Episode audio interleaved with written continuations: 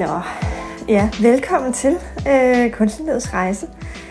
Og først, så har jeg lige en lille, en lille sjov historie, som jeg sådan havde lyst til at dele med dig. Øhm, og det er det her med, jeg har jo øh, Frederik Loop, som øh, redigerer lyden her til, til podcasten, og så sagde han til mig på et tidspunkt, øh, det er efterhånden noget tid siden, faktisk nogle måneder siden, Altså, Karina, kan du ikke... Um, altså, jeg tror, det ville være godt, siger han, eller sådan lidt meget ventet, at uh, altså, det ville være godt, hvis du havde sådan en lille øh, hey, eller hej, eller et eller andet i starten af, sådan, af den her intro. Og så, til at starte med, så, så, åh, så tænkte jeg, gud, altså, hold nu op, Frederik, jeg gider ikke alle de der regler, og alle de der ting, man nu bør og skal, og, og så overhørte jeg ham egentlig bare, uden lige at svare. Ja, så undskyld for det, Frederik. Men øhm, så tog jeg den lidt til mig, kan jeg huske. Og så lod jeg den lige modnes lidt ind i mig, og øh, fandt ud af, at jeg faktisk går rundt og siger, sådan, for eksempel når der er en kollega, der kommer ind ad døren om morgenen eller om eftermiddagen, øh, så siger jeg, halløj. Og så tænker jeg, gud, det er da mit ord. Det er da åbenbart det, jeg går og siger helt naturligt, så hvorfor ikke starte hver episode med Halløj! Så ja, det er sådan, det for bare lige at forklare, at der faktisk er jo øh, sket for nogle episoder siden, sket en lille ændring i hele den her intro. Så, så fik du den forklaring. Ja, så, øh, ja, så, så velkommen nu til denne her dejlige episode, som er en, øh, en samtale med fantasyforfatter og skriveunderviser Lene Dybdal. Og øh, ja, jeg har jo prøvet at give et lille øh, indblik her i show notes om, hvad du kan forvente af den her samtale. Og jeg vil sige, at den er jo sådan lidt, mm, den er lidt anderledes end mange af de andre episoder. Øh, måske henvender den her episode sig egentlig mest alt til, til dig, der øh, er hvad hed, hvad kalder man det, forfatterspiger, eller er interesseret i hele denne her skriveproces og øh, skriveprocesser generelt. Øh, for der kommer virkelig mange gode øh, fifs og sådan fra Lenes ja, historier og tid. Øh, ja, men ja, og det kan egentlig også være, at man bare synes, den er spændende, selvom man ikke lige er forfatterspire. Men så, øh, så ja, velkommen til, og øh, nu vil jeg lade dig komme videre til samtalen, og så øh, høres vi ved på den anden side. Hej!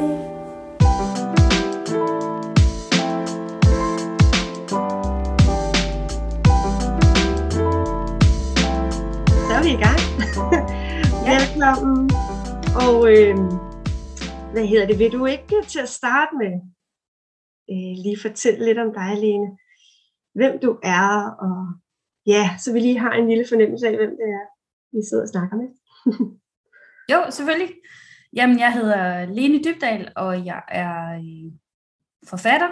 Jeg skriver fantasybøger, og øh, nogle gange, hvis jeg er til en familiefest, så er der nogen, der ikke rigtig lige helt er med på, hvad er fantasy, og så plejer jeg at sige, at det er sådan noget med drager og magi, og måske hvis de kender Harry Potter og Ringenes Herre eller Game of Thrones.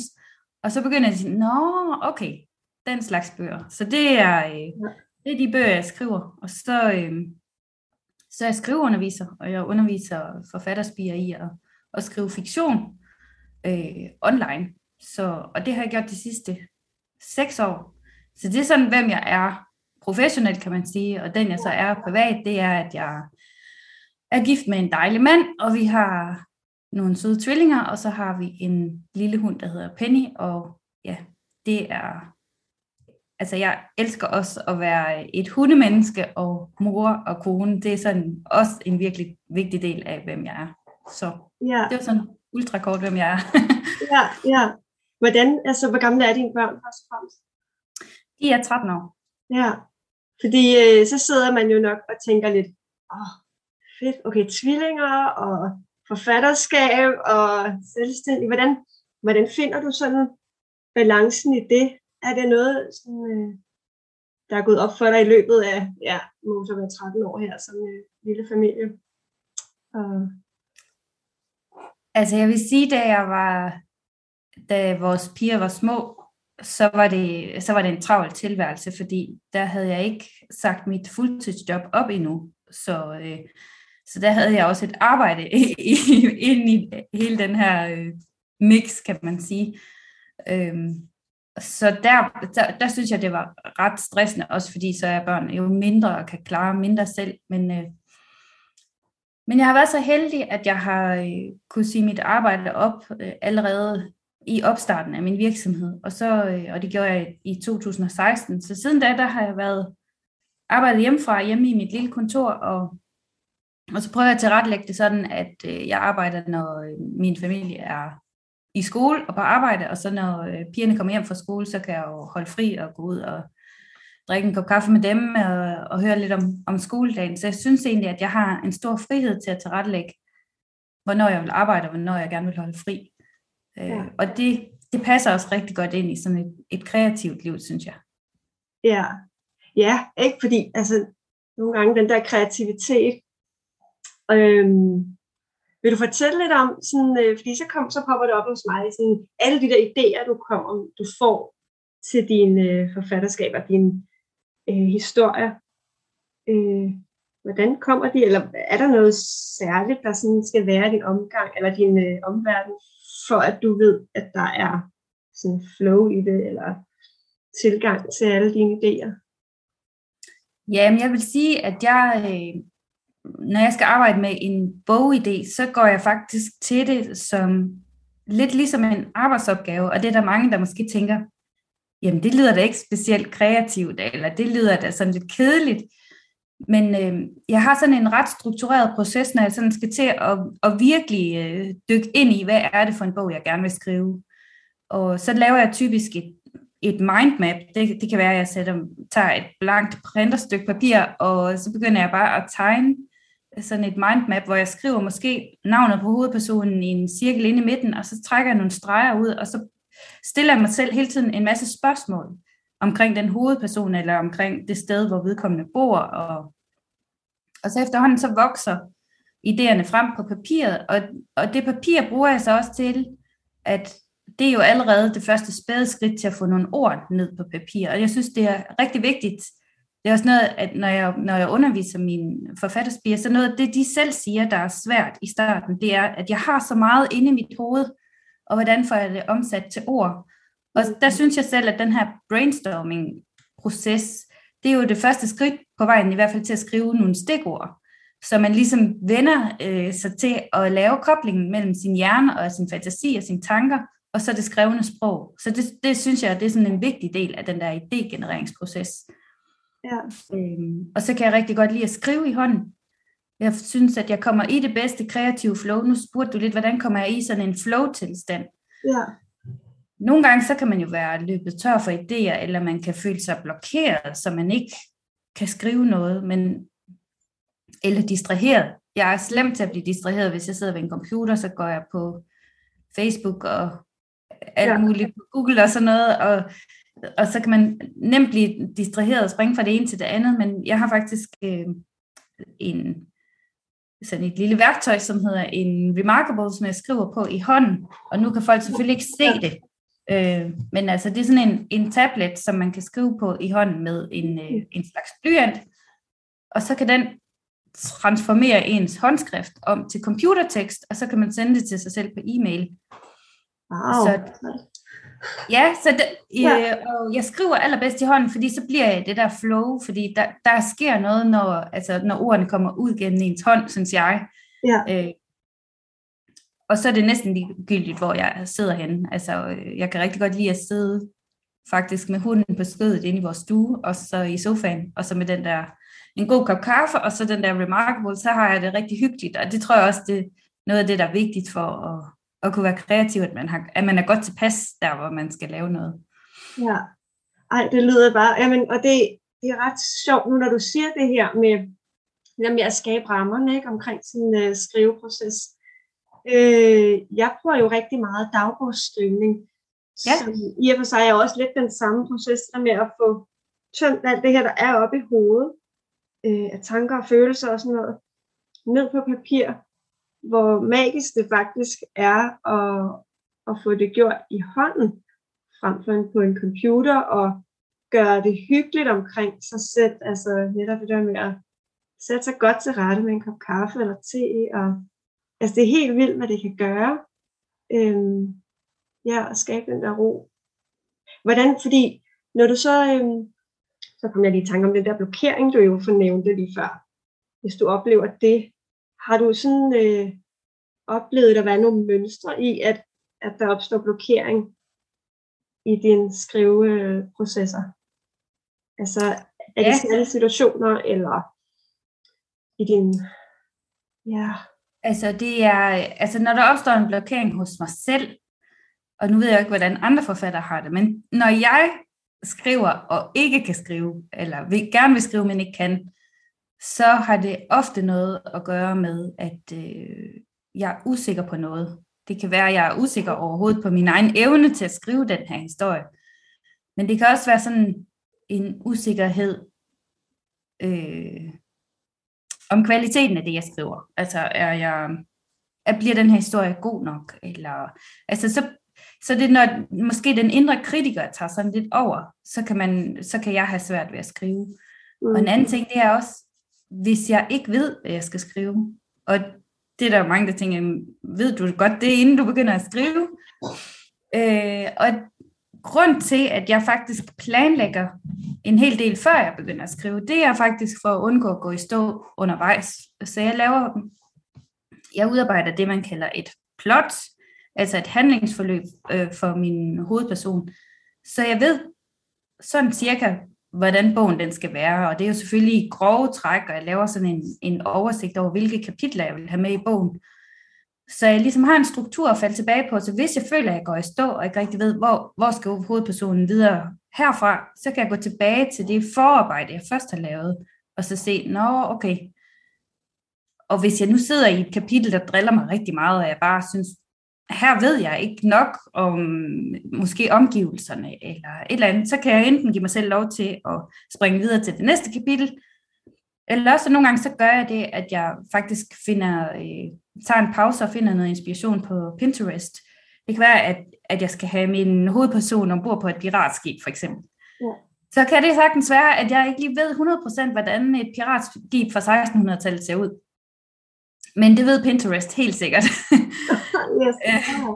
Og så, så kan man øh, sådan finde måske tegninger af, af sådan et piratskib, og de detaljer, som sådan en tegning kan give en, det er jo noget, man kan bruge til at skrive på, fordi så kan man nævne nogle af de detaljer, man så ser på et billede, mm. og så træder det mere levende frem for læseren. Så, så det kan også være en måde at ligesom sætte gang i sin fantasi, altså at man kan se, hvad det er, man skal skrive om. Ja. Ej, ja. Jamen, det er virkelig øh, spændende det her med den balance, du faktisk prøver at opnå i forhold til at skabe den her ramme, eller sådan strukturen, som du kalder det. Jeg forestiller mig lidt sådan, det er sådan en øh, ramme nærmest i et, et maleri eller sådan et billede, ikke? Og at du så kan lave alt muligt i, inden for det, som den, eller sådan noget. Mm, ja. Men føler du dig nogle gange øh, sådan fastlåst i den ramme, at, eller giver du dig også lov til at ændre rammen en gang imellem, eller strukturen? Hvordan har du det med det? Jamen, øh, der, jeg får tit sådan et spørgsmål, at, øh, at hvis nu jeg har fundet på den der ramme i forvejen, som du beskriver over kapitlerne, føler jeg så mig ikke låst fast, at så skal jeg skrive historien på den måde. Men jeg synes faktisk, at man kan være allermest kreativ når man har nogle rammer at spille bold op af, fordi så, det giver også nogle begrænsninger, og måske må, bliver man nødt til at finde på en anden løsning, end hvis man havde frit valg på alle hylder. Altså nu skriver jeg noget om magi for eksempel, og øh, hvis nu vi sagde, at hovedpersonen kunne alt, altså havde alle magiske kræfter i verden, så er det jo fuldstændig ubegrænset. Så hvis jeg vil sige, at øh, hun eller han kunne flyve, så kunne han eller hun det, eller sætte ild til ting, så kunne han eller hun det. Men øh, udfordringen ved at gøre for eksempel en hovedperson så magtfuld, at vedkommende kan alt, det er jo også, at hvordan skal vi så skabe noget modgang for den hovedperson? Lidt ligesom Superman. Altså, man bliver nødt til at opfinde finde kryptonit, fordi han var simpelthen så stærk, at, øh, at det blev lidt kedeligt at, at læse Superman tegneserie, hvis han kunne det hele. Og ja. lige sådan så tænker jeg i skriveprocessen, at hvis jeg har ligesom nogle rammer og nogle begrænsninger, så bliver jeg nødt til at, at tænke sådan lidt inde i boksen, kan man sige, ja, ja. for at finde en, øh, en god løsning på nogle udfordringer. Men det betyder altså heller ikke, at hvis nu jeg kommer til et sted øh, i bogen, det betyder faktisk rigtig tit, at, at rammen netop kun er en ramme, så når jeg giver mig til at sidde og skrive i hånden, så kan det sagtens være, at min hjerne finder på noget meget bedre, end det jeg sådan ligesom kunne komme frem med under pres. Altså, mm. I den der brainstorming-proces sætter man jo sig lidt selv under pres, fordi man hele tiden bombarderer sin hjerne med nogle spørgsmål. Og så kan det godt ske, at når man kommer ind i det her kreative skriveflow, når man er i ro, og når man har den her øh, hygge omkring sig, at, at hjernen finder på noget, der var endnu bedre, fordi nu slapper den af, og nu kan den hive et eller andet frem, der passer lige til lejligheden. Øh, og så går jeg selvfølgelig med det. Så det er ikke sådan, at jeg siger nej tak til gode idéer, når jeg er i gang med at skrive. Ej, ja. Og det er så vigtigt, det du nemlig nævner, det her med roen, ikke? Altså, at den kan give, den kan, den kan åbne op for, for idéerne. Altså, det, øh, det er virkelig vigtigt at huske sig selv på, og ikke at forsere, øh, ja. forsere alle idéer og en kreativ proces. Ja, virkelig vigtig pointe. Øh, nu bliver jeg jo nysgerrig på, hvordan, hvordan fandt du ud af, nu hopper jeg lige helt tilbage, hvordan fandt du ud af, at du skulle være forfatter? Hvor, hvor, øh, hvad er der sket i dit liv, siden du, du hoppede den vej? Ja, men altså, jeg har altid, jeg har altid godt kunne lide at læse, øh, siden jeg kunne læse selvfølgelig. Og øh, jamen, altså jeg nød det virkelig, virkelig meget. Altså jeg, øh, når, øh, når jeg lånte biblioteksbøger med hjem fra skolebiblioteket, så blev jeg nogle gange drillet med, at jeg havde 16 bøger med hjem til den uge. Altså det var selvfølgelig nogle tynde bøger, men alligevel. Og det var simpelthen fordi, at jeg bare nød at bruge min fritid på at læse. Og jeg vil så sige, at nu er jeg jo så gammel, at der var jo heller ikke alt muligt andet at bruge sin fritid på. altså, man havde jo ikke en, en telefon eller en iPad, eller endda Netflix eller børnefjernsyn, man kunne gå hjem og se, når man kom hjem fra skole overhovedet. Så, men jeg nød simpelthen det der med at hoppe ind i de der fantasiverdener. Ja. Og så opstod, så opstod bare, altså jeg var, jeg var fan af at læse, og så tænkte jeg, hvor må det være vidunderligt selv at kunne finde på sådan nogle historier som kan skabe så meget glæde i mit liv. Ja. Altså det var, det var noget af det, der gjorde det, og så når man læser meget, og det er næsten en, øh, en bivirkning, man ikke kan komme udenom, øh, altså så bliver man god til at skrive. Det er der, der er faktisk forskning, der viser, at selv hvis man ikke modtog skriveundervisning, men læste rigtig meget, så ville man være dygtigere til at skrive end, end folk, som ikke læste. Fordi man får udviklet den der sproglige bevidsthed. Ja. Og det vil sige, at det faldt mig let, fordi jeg havde læst så meget. Så faldt det mig faktisk let at skrive. Så, så når vi i skolen fik lov til at skrive stil, jamen så, øh, så lod jeg mig bare fuldstændig opsluge af alt, hvad min fantasi ligesom kunne hælde ud. Og ja, min dansklærer fik altid de længste stil for mig. I ja. hvert fald, hvis man måtte spænde på en historie. ja, ja. Ej, ja. Ej, nu, altså, øh, fordi, er der egentlig forskel på, øh, lige til den øh, undersøgelse, du nævnte der, er der forskel på, om man læser skønlitteratur eller faglitteratur i forhold til, jeg ved ikke, om du ved noget om, jeg bliver bare nysgerrig, i forhold til øh. den der kunne i at, at skrive?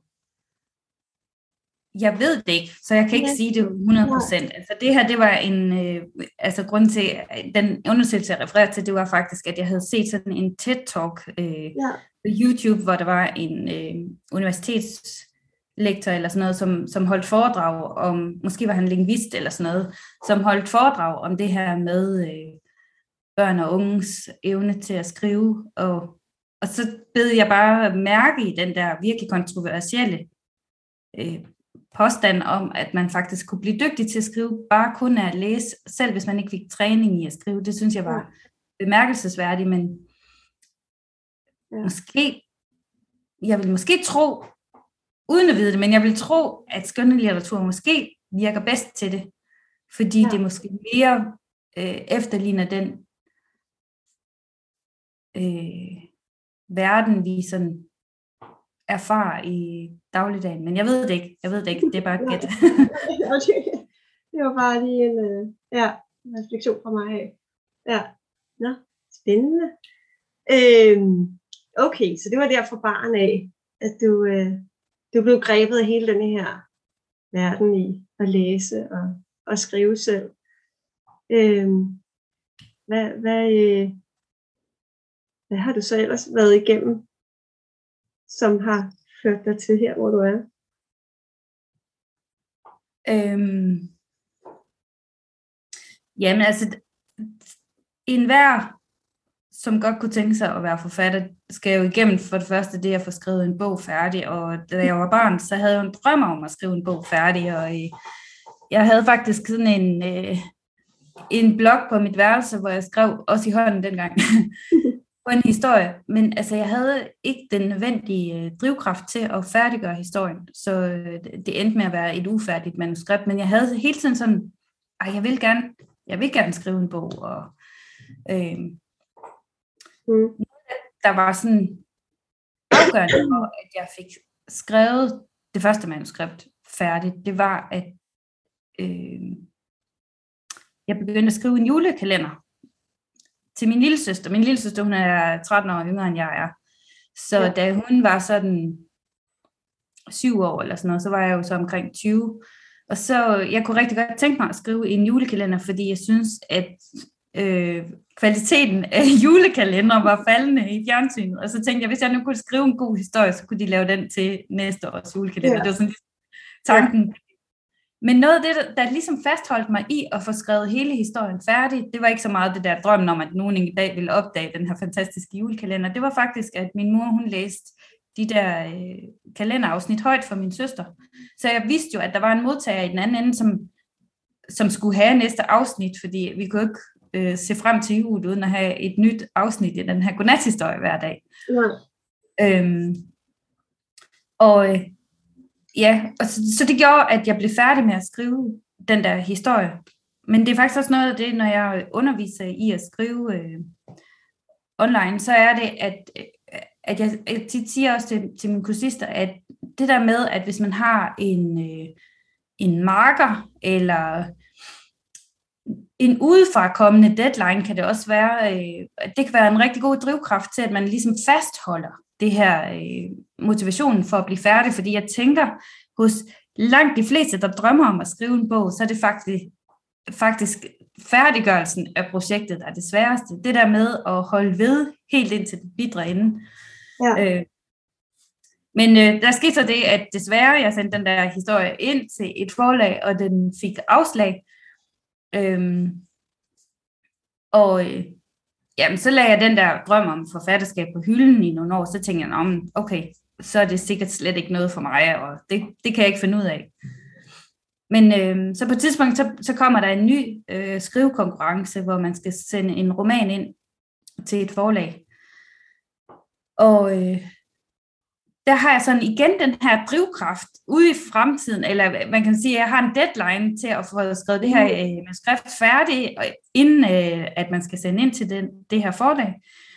Og det gør så igen, at jeg får skrevet et nyt manuskript færdigt.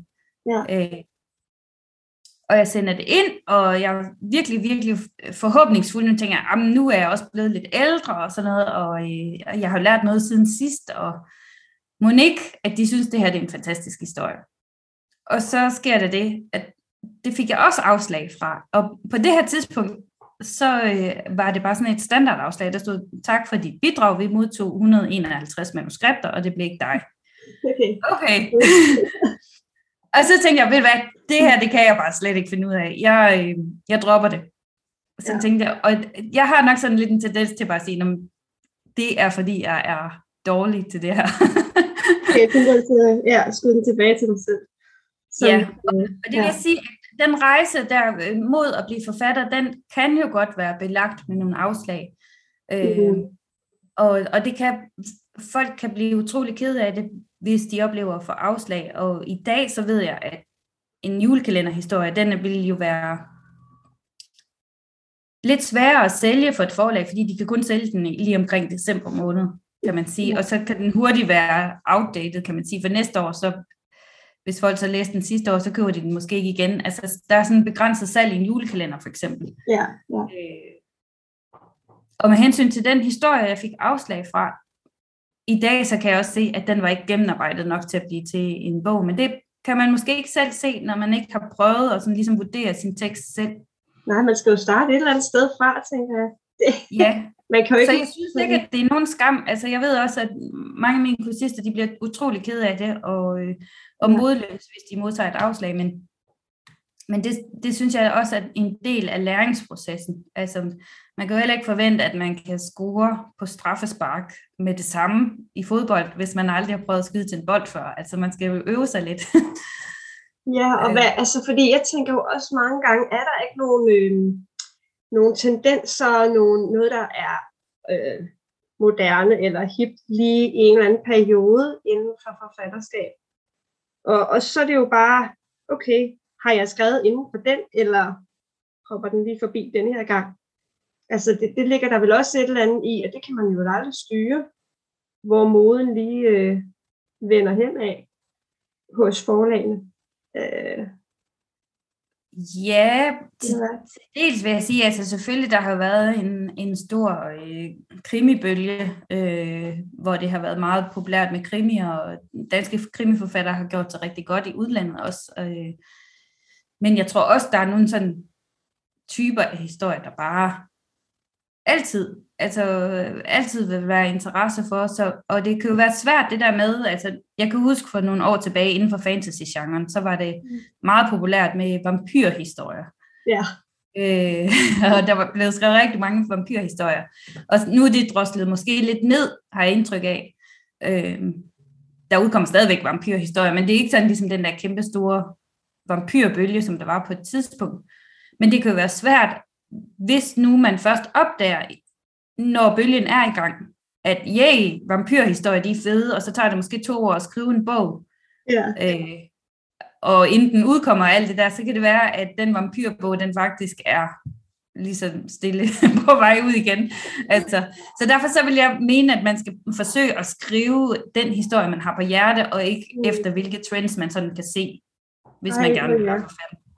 Ej, og det, jamen, altså, ej, og det elsker jeg at høre, fordi jeg er simpelthen, jeg er jo virkelig fortaler for, at, at det her kunstneriske øh, produkt, man jo skaber som forfatter, at, at det, det kan, hvis man selv mærker det, sådan har, altså sådan har jeg det generelt, øh, og jeg er jo den, der beskuer alt det kunstneriske. Jeg mærker det kun, hvis jeg kan mærke, at skaberen kan har mærket det, og at det er- kommer fra sjælen faktisk, det man har lavet. Altså det er jo meget det, jeg, jeg virkelig tror på. Øhm, og selvfølgelig kan man måske få noget succes ved bare lige at følge trenden, men, men vil man så egentlig have det godt, ikke? Altså for, som du siger, man bruger jo altså u- u- ufattelig meget tid på at skabe sådan en bog. Så at bruge så meget tid på noget, man ikke selv kan mærke, det må da virkelig være altså, hårdt at komme både igennem, og også se resultatet af, hvis man tænker, nå ja, fedt nok, det solgte, men hvad, har jeg det Men- godt selv, ikke? Nej, jamen det, det tror jeg, du har ret i. Men jeg tror faktisk, at som du siger, hvis du læser en bog, og du ikke kan mærke pas, øh, forfatterens passion igennem siderne, altså når du læser som læser, hvis du ikke sådan ligesom bliver suget ind af den der energi, øh, jamen så tror jeg, jeg tror bare heller ikke, at den forfatter kommer særlig langt, hvis man forsøger at skabe noget, der ikke kommer fra hjertet eller fra sjælen, som du siger. Altså, øh, så jeg vil tro, at sådan en, man kan simpelthen mærke det. Ja. Måske lidt ligesom, hvis man er til en koncert, og man kan fornemme, det har jeg, jeg har aldrig oplevet sådan en koncert, men hvis man kunne fornemme, at den, der stod på scenen og sang, bare slet ikke var levet sig ind i sangen, eller slet ikke kunne, øh, kunne var et helt andet sted, altså stod og stenede, mens der kom lyd ud af munden, altså det ville jo heller ikke være sådan en, en gribende oplevelse, så det tror jeg helt klart, man kan fornemme som læser, og det vil en forlagsredaktør jo også kunne fornemme, at, at der er ikke noget hjerteblod i den her bog. Altså.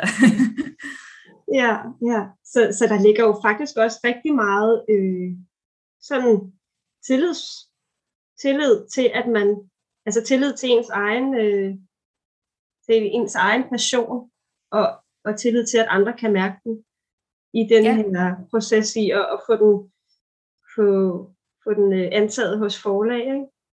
Øhm, eller, øh, fordi den, som du også beskrev før, den der usikkerhed, der kan dukke op. Ej, er det nu godt nok det, jeg laver? Og, øh, er det overhovedet værd at komme ud med? At det er, det er sådan nogle frygttanker, der dukker op. Fordi vi bliver, blank, vi er, man bliver bange for, at, at andre ikke kan, kan mærke det måske. Ja. Øhm, ja, og det kommer jeg bare lige til. Det kan jo også ja, igen skabe den der blokering for at komme ud. Øhm, ja. Ej, ja, og så tilbage til den der, ja, jeg er lidt nysgerrig også på denne her drivkraft, som du kalder det, ikke? til at, at komme i mål med det, med, det, øh, med, med, med forfatterskabet og den bog, man nu øh, er i gang med. Øh, at, at du har oplevet, at det her med at have et eller andet modtager, du ved, der er der, eller en deadline, øh, så kommer jeg til at tænke på, kan det også, altså det er sådan en, igen sådan en balance i at finde tilbage til, at, at ja, det er fint at have den der deadline, men igen ikke at forsere det. Altså, hvordan undgår man det? Og hvordan undgår man, at det ikke bliver forseret, bare fordi, at nu skal det jo være færdigt? øh. Ja, men det tænker jeg, det er sådan en balancegang, som, som vi nærmest må, må leve med næsten i alle mulige andre forhold også. Altså, et, altså en del af det at skrive en bog, vil jeg sige, er hårdt arbejde. Og, øh, og jeg tror, det vil være løgn at prøve at bilde forfatter, eller spirende forfattere ind, at, at man altid kan sidde i et rart skriveflow, hvor man bare sidder med sin kop te eller kaffe i sofaen og nyder det. Og sådan. Fordi der er også øh, tidspunkter i en skriveproces, hvor det er sådan, at nu skal man simpelthen øh, se at få det færdigt, eller der kommer jo også en redigeringsproces bagefter. Altså når man har fundet på alt det sjove, og det fantastiske, og det skøre, og det morsomme osv., så, kommer der et tidspunkt, hvor det skal redigeres, og hvor man virkelig skal tage stilling til, øh, kan den her sætning blive stående, eller kan det her ord blive stående, og, eller skal det finde en anden plads, eller skal det klippes ud? Og, øh, og den del af processen er der nogen, der nyder, og synes, det er bare det fedeste at optimere sit sprog, men der er også nogen, der synes, at det er en hård proces at komme igennem, og sådan ligesom skulle være kritisk over for sig selv. Mm. Og, og det tænker jeg, for mit eget vedkommende, er det lidt en blanding, hvor jeg tenderer måske nok til at synes, at det er lidt hårdt at redigere en bog, men, men jeg synes jo også, at det er fedt, alt det, der kommer frem under sådan en redigering, og man forbedrer det. Øh, men det er hårdt arbejde, og derfor, derfor så tænker jeg igen, lidt ligesom med de her, øh, når vi nu snakkede om, at det her med at brainstorme øh, inden for en bestemt ramme, og skabe en struktur for ens fortælling, altså lave et, et plot osv., det er, det er ligesom en måde at rammesætte sig selv på, og øh, hvis man også i selve hele skriveprocessen også kan have en eller anden form for ramme eller aftale med sig selv, at jeg skriver måske øh, hver lørdag formiddag fra klokken 9 til 12, eller sådan et eller andet, hvis man nu er, har et fuldtidsarbejde ved siden af, øh, jamen så, så har man sådan ligesom nogle faste aftaler med sig selv, lidt ligesom hvis man skulle gennemføre et projekt på sit arbejde, eller noget i den stil. Ja. Og jeg tror, at hvis man har helt frie tøjler, så kan mange, rigtig mange mennesker have tendens til at gå og slappe af, slappe af, slappe af, slappe af, og nu kommer der en deadline, og så laver man alt det hele i sidste øjeblik. Altså, det er der i hvert fald nogen, der gør. og så kan man måske risikere, at det bliver forceret. Ja, måske. Ja, ja det kan være. Øh, ja. ja. Så jeg tænker, det er sådan en balancegang.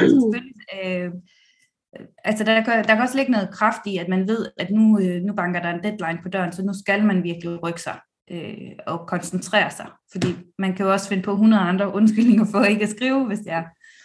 Men det er jo en sjov ting, ikke? fordi der må være noget passion i at man gerne vil være forfatter og er forfatter. Så det er jo en underlig ting, som man snyder lidt sig selv på en eller anden måde, ikke? Og, og, og skubber tingene. Er det, hvad, hvad, hvad tror du, det er? Altså, fordi jeg kommer til at tænke på, at det er sådan noget perfektionisme, der dukker op, at ej, jeg, jeg går kun første gang, når jeg ved, at det er rigtigt, det jeg gør. Eller, at de ord, jeg får skrevet ned, det er endeligt. Ja. Jamen helt sikkert, der kan ligge noget perfektionisme. Øh, der kan også ligge sådan... Øh, der kan faktisk også ligge det i det, at man skal jo skabe noget, som endnu ikke eksisterer. Altså man skal skabe noget helt fra scratch. Altså fra en tanke i din hjerne skal du faktisk skabe måske mange hundrede sider, papirsbogssider, ikke også, når det bliver til en bog. Så det er en, det er en anstrengelse. Altså, selvom det er hyggeligt og sjovt og sådan noget, men det er også en anstrengelse, og det er også et hårdt arbejde, og ligesom at, at forsøge at skabe noget fra ingenting. Mm. Til, altså hvis nu vi, jeg tænker, at mange kender for eksempel Harry Potter, altså J.K. Rowling, som skrev uh, Harry Potter, hun har skabt den her dreng og uh, den her magiske skole ud af ingenting, altså ud af sin egen fantasi. Mm. Uh, og før var der ikke noget. Før var der ikke en dreng, der hed Harry Potter for eksempel. Og, og, øhm, og det kan give noget modstand. Øh, så, så man tænker, åh, det er hårdt. Jeg overgår ikke. Jeg gør det i morgen. Altså, fordi man, man skal jo ligesom også lægge noget energi. Man skal give noget af sin egen energi, for at det kommer ind i den her bog og kommer til at leve. Øh, og derfor så kan det være nemt at bare at åbne for Instagram eller Facebook og sådan. Så det er også derfor, at når jeg, når jeg underviser i at skrive, så er det jo også noget med, at, at, at jeg prøver at lære mine kursister at skabe nogle gode skrivevaner, så man ligesom ikke hele tiden skal debattere med sig selv, om man skal skrive, men man har nogle faste aftaler. Øh, og det er også derfor, at jeg sådan også prøver at hjælpe folk med at, at skabe en struktur for, øh, for deres tekst, så de ligesom har noget håndgribeligt at vende tilbage til, fordi de fleste, de kommer til at hoppe ud af en rutine med at skrive, lidt ligesom også man hopper ud af sin rutine med at komme ned i fitnesscenteret. Eller, ja. øh, og så er, det, så er det rart at have en eller anden fast struktur at kunne vende tilbage til. Øh, ja. Og hvad, hvor, hvorhen er denne her øh, fokus på passionen i det? Hvordan får du flettet den ind i, i denne her øh, ja, rammerne eller strukturen der? Øh, og aftalerne med sig selv? Øh, ja, giver det øh. mening? Jamen, jeg tænker, at passionen er jo det, der sådan ligesom er ens. Hvorfor? Ja. Hvorfor gør jeg det her? Ja. Øh, hvad er den, øh, hvorfor, hvorfor går jeg igennem alt det her hårde arbejde? Hvad er det, der egentlig også er en, en fed ting ved at være forfatter? Og det, kan jo, det svar kan jo være forskelligt fra person til person. Mm. For mig så er en kæmpe stor drivkraft det der med at øh, for eksempel at høre fra læsere, der har læst ens bog, og synes, at den har været øh, en fed læseoplevelse. Yeah. Altså det synes jeg er vildt fantastisk. Og så også en ting, som jeg synes stadigvæk er helt magisk, også selvom jeg har udgivet nu syv romaner, det er det der tanken om den dag, hvor jeg får øh, en pakke med posten, hvor alle de trygte eksemplarer øh, ligger i den her kasse, og jeg kan holde den der fysiske bog i hånden. Altså det er stadigvæk sådan en virkelig fed milepæl for mig selv, det der med, wow, alt det jeg har gået og tænkt, og alt det jeg forestillet mig, nu er det endelig en bog. Altså det er også sådan en, en passion, eller ja. et, et sådan underliggende ting, som, som gør, at jeg har det der drive til at fortsætte med at skrive. Ja. Øh, ja. ja. Og, og, det, og nogle de fortæller mig, at, at de kan bare slet ikke lade være med at skrive. De kan ikke lade være med at finde på det, eller de har så mange historier på hjertet, som de bare vil ud med. Altså, så, så jeg tænker, at den der passion, det er noget af det, der skal hjælpe med at drive værket, men der kan også være nogle forhindringer undervejs, og der er det, at, at jeg selv er glad for at, at, at, at have lavet nogle rammer først, for at, det ikke, for at man ikke så nemt laver alle de der overspringshandlinger. Ja, og, og bliver og bliver overvældet også, kan jeg forestille mig, ja. hvis man er en af dem, der uh, har mange idéer. så kan det hurtigt blive for meget. Ja. Øhm, ej, må jeg godt gå tilbage til det her med, med redigeringsprocessen? Fordi du ja. sagde, at den, det var faktisk en af de, den del, du synes var, var den hårde, altså en af de hårde dele af, af at skrive. Hvad, vil du ikke prøve at uddybe lidt mere, hvad er det egentlig, der er hårdt i det for dig? Jo. øhm, ja, der er faktisk... Jeg oplever tit, at øhm, altså når jeg underviser i at skrive, så tænker øh, rigtig mange forfatterspirer, når, når man først er i mål med at have skrevet hele første udkast af sin bog, så er man næsten færdig. Og det er man jo på en måde også, fordi så har man ligesom, nu har man historien fra ende til anden.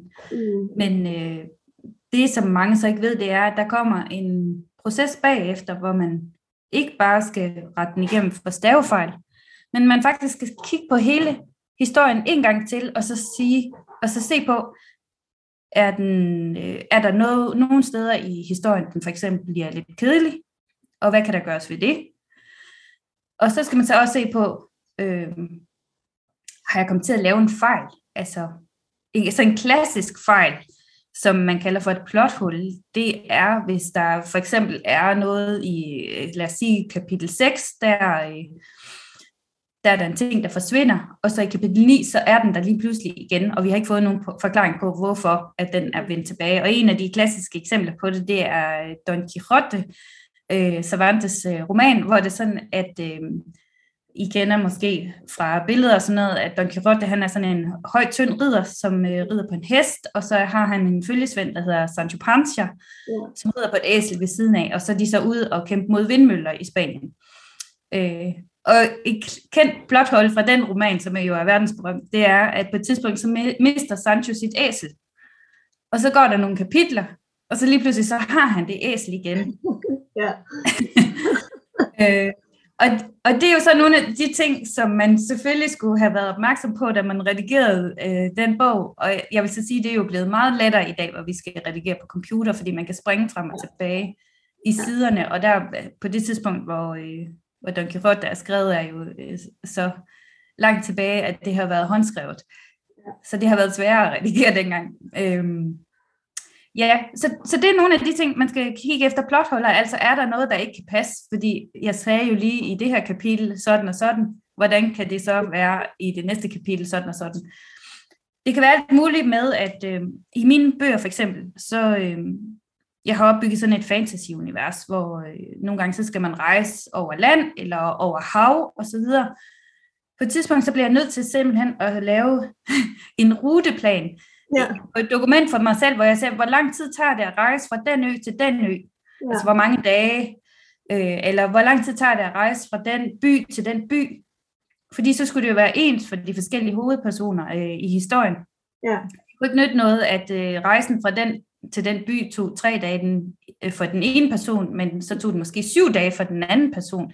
Så bliver jeg nødt til at skrive sådan rejseruterne op, øh, hvor lang transporttid mellem de forskellige lokationer og sådan noget.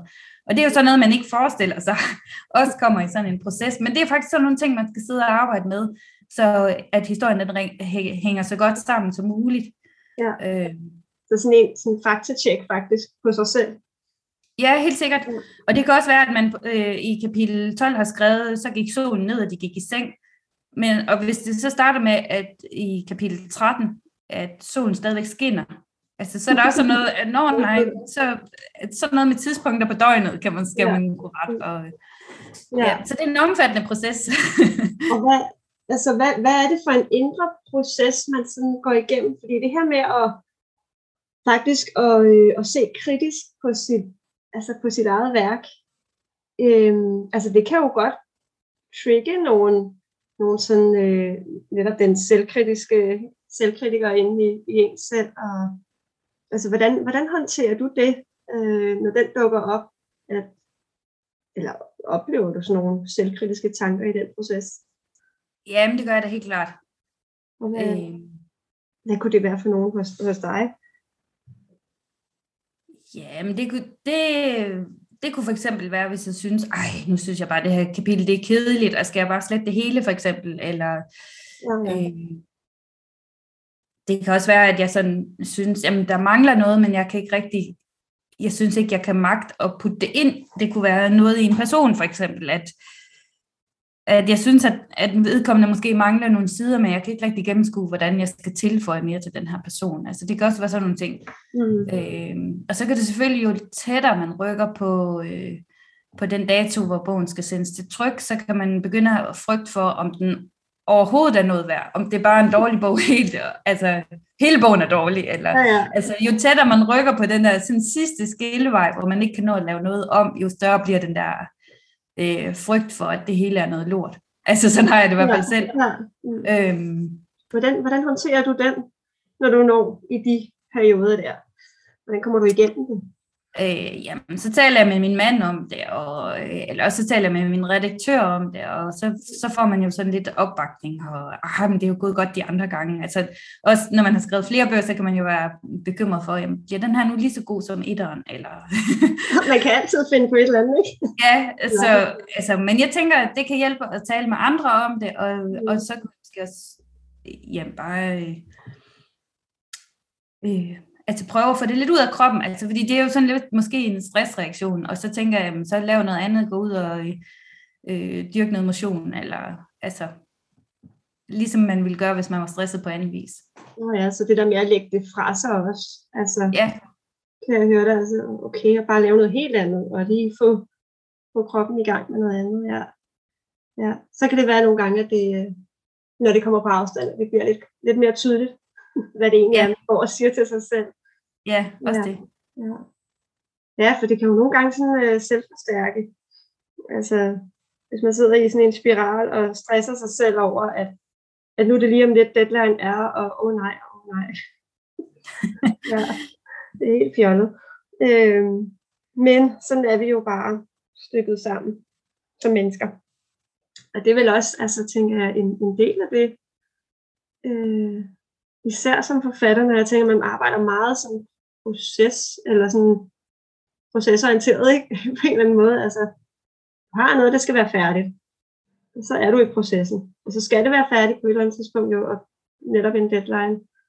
Øhm, for, og så kommer jeg jo så til at tænke, hvad så bagefter? Den der følelse af, okay, nu er det sendt afsted. nu kan jeg ikke redigere mere. Nu, nu, altså, nu er det, som det er og, og så vente på tilbagemelding. Hvordan er det at være i den fase? Øh, jamen altså, det er jo nervepirrende. øh, og, og man kommer jo i den et par gange, fordi man kommer jo i den første gang, man måske øh, sender sit manuskript ind til forlaget, og sådan skal vente på, om de har lyst til at antage det.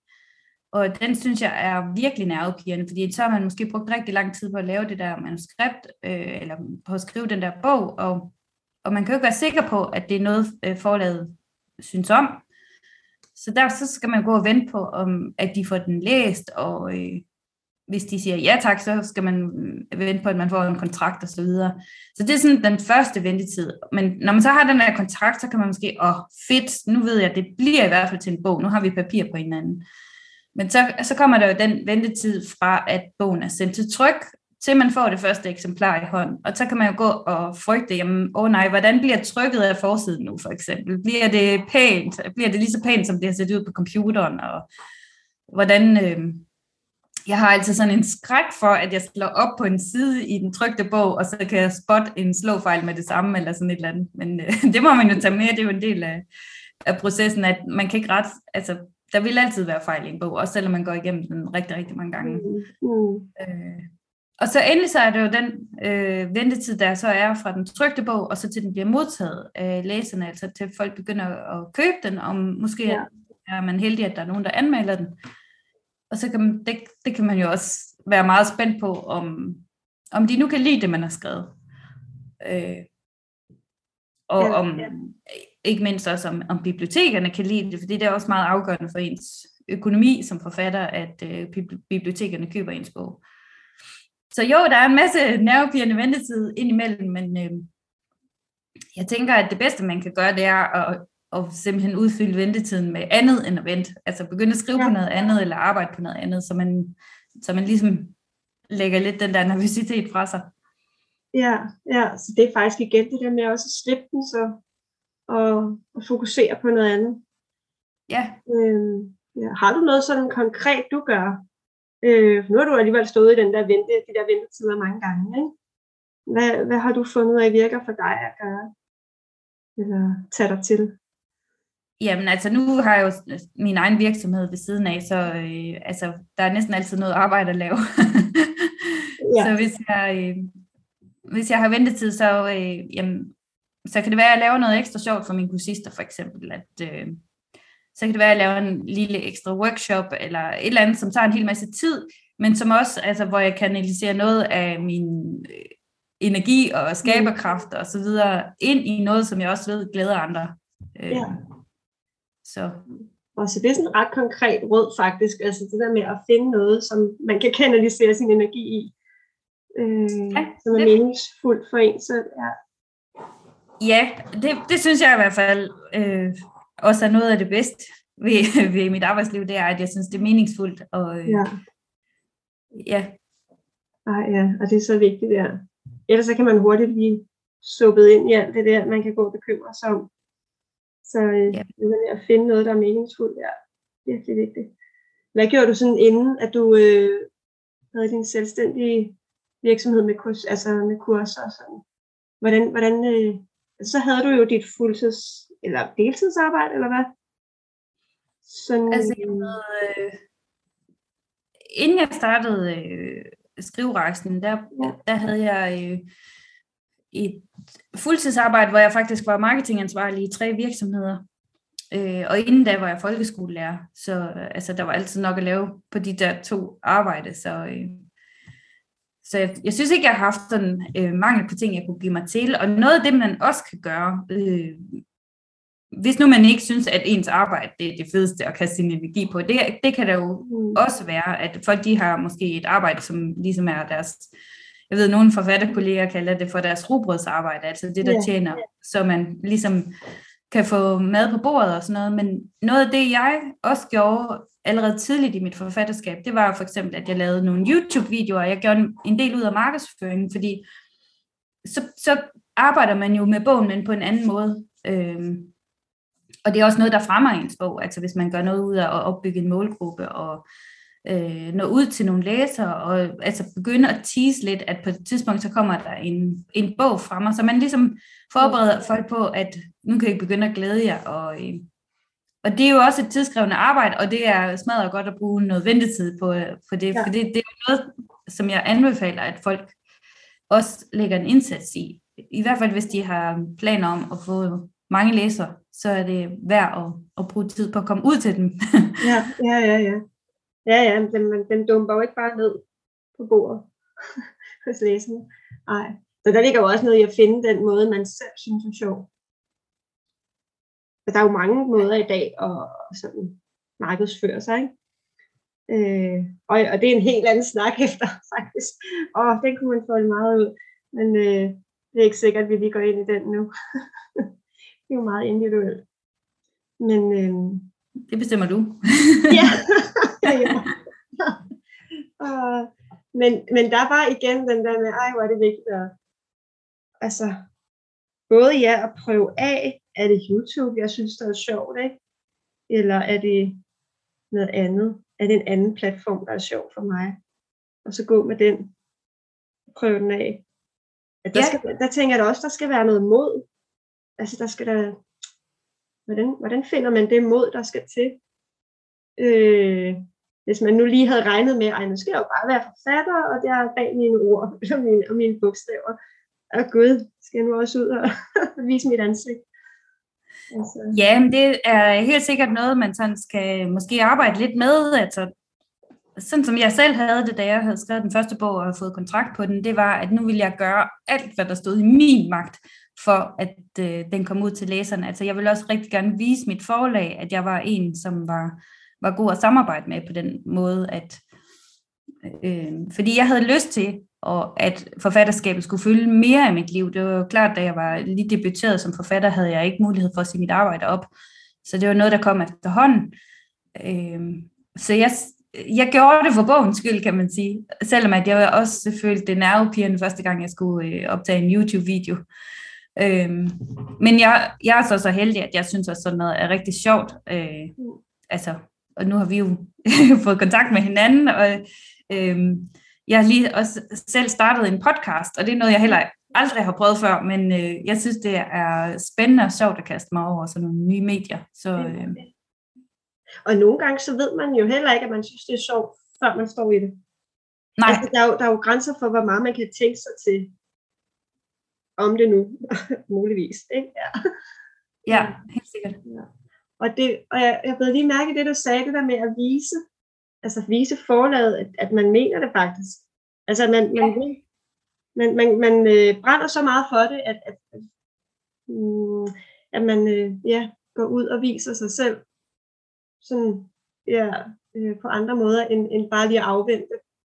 Øh, det, den er, det er da også en god vinkel at, at sige til sig selv, for at finde modet til at stå frem. tænker jeg. Ja, og så nogle gange, øh, når jeg har undervist i markedsføring, så har jeg også sådan, øh, øh, fortalt til folk, at der er også forskel på den person, du er sammen med din familie eller dine venner, øh, og så den person, som du skal være, når du er øh, forfatter på de sociale medier for eksempel. Altså man kan godt iklæde sig en eller anden forfatteridentitet, fordi noget, som folk er jo generet ved, det er at vise sit ægte selv øh, mm online, og der vil jeg sige, at man, man får jo selv lov til at bestemme, hvor meget man vil dele ud af sig selv som privatperson. Selvom man for eksempel opretter en forfatterprofil, så behøver man jo ikke at dele alle mulige detaljer fra ens privatliv, hvis man ikke har lyst til det. Øh, og måske har man en særlig let tone, man skriver i, når man laver opslag, eller en særlig øh, fed energi, hvis man skulle øh, tale enten i en podcast eller på en video. Altså så, og det kan godt sagtens være, at man måske lige opper sig lidt, når man skal være på video, og, eller når man skal tale på en podcast, at man lige giver den lidt ekstra, hvor hvis man sad og talte sammen i, i, inde i stuen, altså så havde man måske lidt mere dæmpet stemmeføring. Og det er for at sige, at der kan godt være forskel på en som offentlig ansigt og en som privatperson, og det kan hjælpe nogle gange, at man distancerer sig lidt fra den, man er på de sociale medier. Mm. I forhold til det der med, altså da jeg var barn, så kunne jeg godt lide at spille øh, skuespil, altså en skolekomedie og den slags ting, og jeg synes altid, det blev endnu mere virkeligt, når man tog det der teatertøjet på. Øh, så var det som om, at man lettere kunne leve sig ind i den person. Men lidt samme tankegang har jeg, når, når man øh, opretter sådan en profil på de sociale medier. Man tager noget, forstå mig ret, noget teatertøj på, og så er man en bestemt person. Altså forfatteren Lene Dybdal er en anden person end privatpersonen Lene Dybdal. Altså, selvom der selvfølgelig er overlap.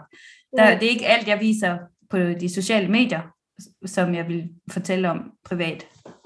Ja. Ej, ja, og jeg tror, altså det her, lige det her emne, det er jo, øh, det mærker jeg er sådan rigtig sådan lidt et spændingsfelt, fordi vi er også inde i en eller anden, øh, har jeg fundet en eller anden dille med, eller en tendens med, at, at meget og alt skal være autentisk. Det her Ja. begreb autentisk.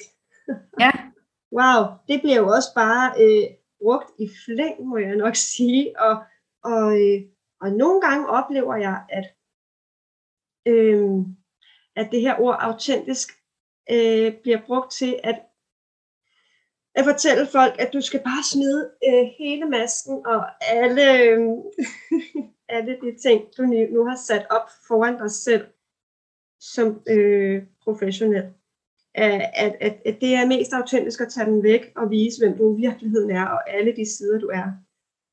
Åh, men, men der, der, der ligger bare meget i det, ikke? fordi en ting er at, at anerkende alle de sider, vi selv er, og den privatperson, vi nu er, og, og den er vi er jo alle sammen alle følelser. Vi er alle sammen vrede på et eller andet tidspunkt. Vi er alle sammen kede af det, og glade, og wow, og hysteriske og alt muligt.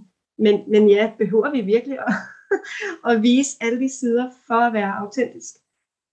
Det, det, er jo, det er jo virkelig en diskussion, og der er mange meninger om det. har jeg en oplevelse det er der da sikkert helt, øh, helt sikkert, det tror jeg, du har ret i, men jeg tænker også, at øh, altså når jeg taler om, at man ligesom kan vise et andet ansigt udadtil øh, i sit, i sin forfattermarkedsføring, så mener jeg faktisk også bare, at man, man kan være professionel, eller man kan være privat. Mm, Så det er også sådan lidt ligesom, øh, Ja. hvis man tager øh, ind på sit arbejde, så kan det være, at man tager en pæn skjort på, og hjemme der går man måske i en hættetrøje. Altså, så det, det er lidt sådan en forskel mellem at være offentlig og privat, og det, det synes jeg ikke nødvendigvis behøver at være mindre autentisk øh, og mindre ærlig. Det er bare den person, jeg er, når jeg er på arbejde, for eksempel. Øh, så jeg, jeg synes, at man, man kan fint være både ærlig og autentisk, om man vil, selvom at man er professionel. Ja, så det er sådan, jeg selv ser på det, men, men som du siger, der kan sikkert være mange delte meninger lige om det her. Ja, ja, ja. Men, men det er rigtigt, men det er bare det, jeg tænker, at nogle gange kan man godt blive skræmt lidt over hele den her tendens, der er øh, med at skulle være autentisk. Øh, og det, der bliver påduttet, at man, øh, man skal tage facaderne af, ikke? fordi altså, ja, den der altså, professionelle, personlige, man, man, altså jeg kalder det nogle gange personligt professionelt, fordi så viser vi stadig vores værdier som mennesker, øh, men vi viser måske ikke lige hele den private person, ikke? ja. At man netop stadig kan være autentisk på den måde. Så kan man jo godt, ja, sige, så har man taget den øh, professionelle maske på, eller den øh, personlige. Øh, og det er der ingen skam i, og at, at det er der lige så meget autenticitet i, som, som dem, der vælger at tage det hele væk. At vi igen er, er enormt forskellige. Øh, ja, men det, ja, det er virkelig vigtigt, at, at folk ikke bliver skræmt på den, og dermed ikke tør at stå frem, øh, hvis de tror, man skal være helt blottet. Øh, ja, altså virkelig, virkelig vigtigt pointe fra dig, synes jeg. Det kunne jeg godt lide. Fedt. ja, det, det er vigtigt. Øhm, ja, nå, ej, det blev jeg sådan helt glad over, at vi lige kom ind på. øh, nå, hvad hedder det? Skal vi til at runde lidt af? Øhm, er der noget, du tænker, vi ikke har været rundt om, som du godt kunne tænke dig at fortælle fra din historie? Øh, jamen, jeg har jo fortalt lidt om, at jeg fik nogle afslag til at starte med. Altså, hvis vi ja. nu skulle runde rejsen af, altså, så ja. øh, indledte jeg med at fortælle lidt om, at jeg skrev, altså jeg var glad for at læse som barn, og jeg skrev nogle historier, som ikke blev færdige, og nogle historier, som blev sendt ind til forlag, som ikke blev antaget. Men der skete så også det på et tidspunkt, at jeg øh, deltog i en online øh, forfatterskole, som varede seks uger, øh, hvor jeg faktisk fik en masse feedback fra de andre kursister dengang. Og det gjorde, at øh, og jeg fik rigtig positiv feedback fra de andre, hvor de sagde, ej, du skal bare sende det her ind til et forlag, og ej, hvor har du en god fantasi, og sådan noget. Og jeg blev helt sådan fyr og flamme, efter at have været en del af det der øh, skriveforløb. Og det gjorde faktisk, at øh, øh, efter det skriveforløb, så var der en konkurrence på øh, Facebook, hvor man øh, kunne skrive med på en julekalender inde på Saxos boghandel. Øh, og så havde Dennis Jørgensen, forfatteren, øh, han havde skrevet det første afsnit, og så, så, øh, så kunne vi, almindelige mennesker, så kunne vi så skrive de efterfølgende afsnit, altså øh, følge tongen, eller efterfølgende afsnit til, til det første afsnit der. Og så stemte folk øh, ved at like de forskellige bidrag der, og så, øh, så den, der fik flest likes, øh, vandt så den dags afsnit. Og fordi jeg nu havde fået en hel masse feedback og øh, positive kommentarer inden fra den der forfatterskole, så var jeg sådan lidt, at Nå, okay, måske er jeg slet ikke så dårlig, som jeg gik og troede, jeg var. Mm. Og så skrev jeg med på den der julekalenderkonkurrence, og det endte med, at jeg vandt 6 ud af de sidste 23 afsnit. Og det var i sig selv bare mega fantastisk. Og det, der var mere fantastisk, det var, at man fik lov til at, at udkomme i sådan en e-bog sammen med Dennis Jørgensen, som jeg synes, øh, som jeg var fan af helt vildt, da jeg var barn. Øhm, og øhm, det var jo bare øh, altså en kæmpe milepæl at få lov til at have noget trygt tekst med en rigtig, rigtig ægte forfatter på et ægte forlag. Men endnu en sjov bivirkning ud af alt det her, eller sidegevinst, eller hvad man kan sige, det var, at øh, Louise Tellerup, som er min redaktør i dag, hun havde fulgt med i den der julekalenderkonkurrence, øh, fordi den Jørgensen på det tidspunkt var tilknyttet forlaget Tellerup. Og så skrev hun til mig en dag og spurgte, jeg kan se, at du deltager vældig, øh, vældig aktivt på den her øh, julekalenderkonkurrence. Øh, du har vel ikke et manuskript, som du kunne have lyst til at sende ind til os, og som vi må se. Og det havde jeg selvfølgelig øh, mega meget lyst til, så øh, mm. jeg skrev straks tilbage til hende, jo, det kan du tro, jeg, jeg skal nok sendt noget til jer. Og øh, så redigerede jeg simpelthen en af de øh, tidligere romaner, jeg har skrevet, og gjorde den endnu bedre, og omskrev den og tilføjede en hel masse, og sendte den ind til forlaget Tellerup. Og det blev faktisk til min debutroman. Så øh, det var sådan lidt en utraditionel måde at ligesom blive opdaget af et forlag, og blive opfordret til at sende et manuskript til dem. Og øh, ja, så gik der nogle måneder, og så ringede hun, og så øh, sagde hun, at den ville de gerne udgive, og jeg måtte godt begynde at skrive bind 2 og 3 i den trilogi, fordi de ville også gerne udgive dem. Så øh, det var bare sådan ligesom for at runde af, at den her øh, rejse med nogle afslag og nogle halvfærdige historier til at starte med, altså det, det fortsatte ikke sådan, og jeg overvandt den der følelse af modløshed, efter at have fået nogle afslag. Altså jeg fik næsten tilbage igen, og prøvede også, hvordan det var at, at have nogle begejstrede øh, sådan læser i den anden ende. Og det er faktisk også noget af det, som jeg selv øh, har prøvet at genskabe noget af det samme miljø i, i den undervisning, jeg laver i dag, fordi det har været sådan skældsættende for mig, og den måde, jeg kom i gang på.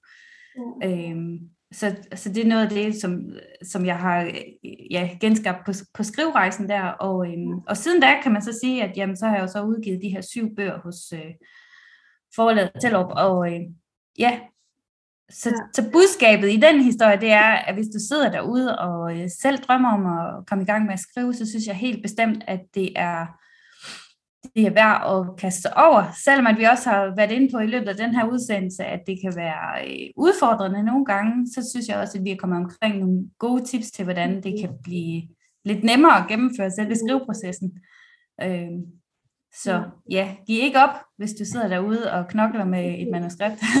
Ja, præcis. Jo, og hvor er det godt om, altså at runde af med den her, fordi en, en mulighed, du ikke selv kunne have øh, tænkt dig til, dukket op. Altså, det er også bare ja. rigtigt, ikke? Ja, at, øh, helt sikkert. Find håbet i det, altså. Ja, der, vi kan aldrig selv tænke os til alt. Nej, det er nemlig rigtigt. det er så fint. Ej, dejligt. Dejlig øh, historie alligevel, af, eller rundt af med. Rigtig fedt. Øhm, ja. Ja. Så øh, tak. Ej, hvor har vi været inde på mange gode ting. Fedt. Ja, det synes jeg da også. Jamen, øh, så tak for det.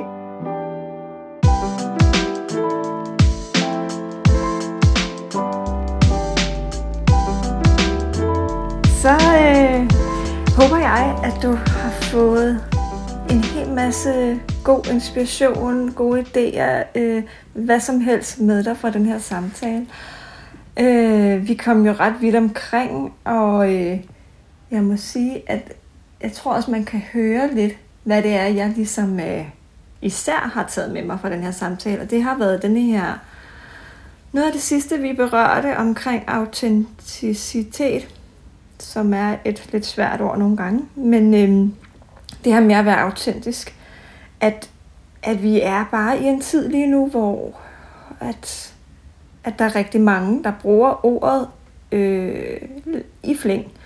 Og at øh, jeg tror, at det, der er allervigtigst for dig og mig og os alle, det er, at vi søger indad og finder vores egen måde at være autentisk på, og ikke, øh, ikke lade os farve for meget af, hvad alle mulige andre på de sociale medier øh, mener er autentisk øh, i forhold til, hvor mange lag man skal vise af sig selv og, og så videre. Altså, ikke? Det er virkelig, det er jo noget inde i os, og en proces inde i os selv, der er, der skaber den her autentiske udstråling. Jeg ser det faktisk mange gange som sådan nærmere, at det ikke er de ord, vi siger eller skriver ud på sociale medier, eller bare generelt i når vi er sammen med andre mennesker. Men det er den her mm, subtile aura, øh, energi, vi sender ud, når vi er sammen med andre, når vi er ude i verden. Så, så på den måde, så er det autentiske ikke noget, vi kan sætte facit under, at sådan, nu er du autentisk. Men det er noget, vi kan gå og mærke, og vi kan mærke det. Ja, på hinanden og på os selv. Ikke mindst. Ja, så det var lige sådan en afrunding og noget, øh, der virkelig uh, ligger mit hjerte nær. Altså, øh, og som jeg mener, at, at vi det er sådan en livslang proces faktisk at være i. Ikke? At finde sit autentiske selv, sin autentiske kerne, øh, som skal pusses af faktisk øh, jævnligt. Øh, ja, så, øh, så det vil jeg, ja, det vil jeg gerne lige runde her til sidst. Og så vil jeg bare ønske dig alt muligt, ja, det bedste, og øh, hvis der øh, er noget, så må du endelig række ud. Jeg, blandt andet vil jeg jo elske at have dig med til mine forhåbentlig mundlige cirkler eller ceremonier, tror jeg, jeg kalder det. Jeg har i hvert fald en plan om at holde en mundlig ceremoni udenfor med bål og det hele, og jeg vil, øh, altså apropos at være autentisk, altså det er virkelig min drøm at skabe det der fællesskab i en ceremoni, hvor vi kan være os selv i stillhed, ro, skal ikke præstere noget over for nogen og hinanden. Øhm, ja, så det vil jeg, øhm, det er min, ja, lige nu er det min øh, mission at få, få sat det i værk en gang om måneden. Så du må jo sige til, hvis du er nysgerrig på at komme med, så kan du altid skrive. Og ellers så øh, prøver jeg at få opdateret hjemmeside og Instagram med datoer og så videre. Så er du meget velkommen. Ja, det tror jeg var det for nu. Og øh, ja, så høres vi bare igen, eller ved igen hedder det, øh, i næste episode. Hej!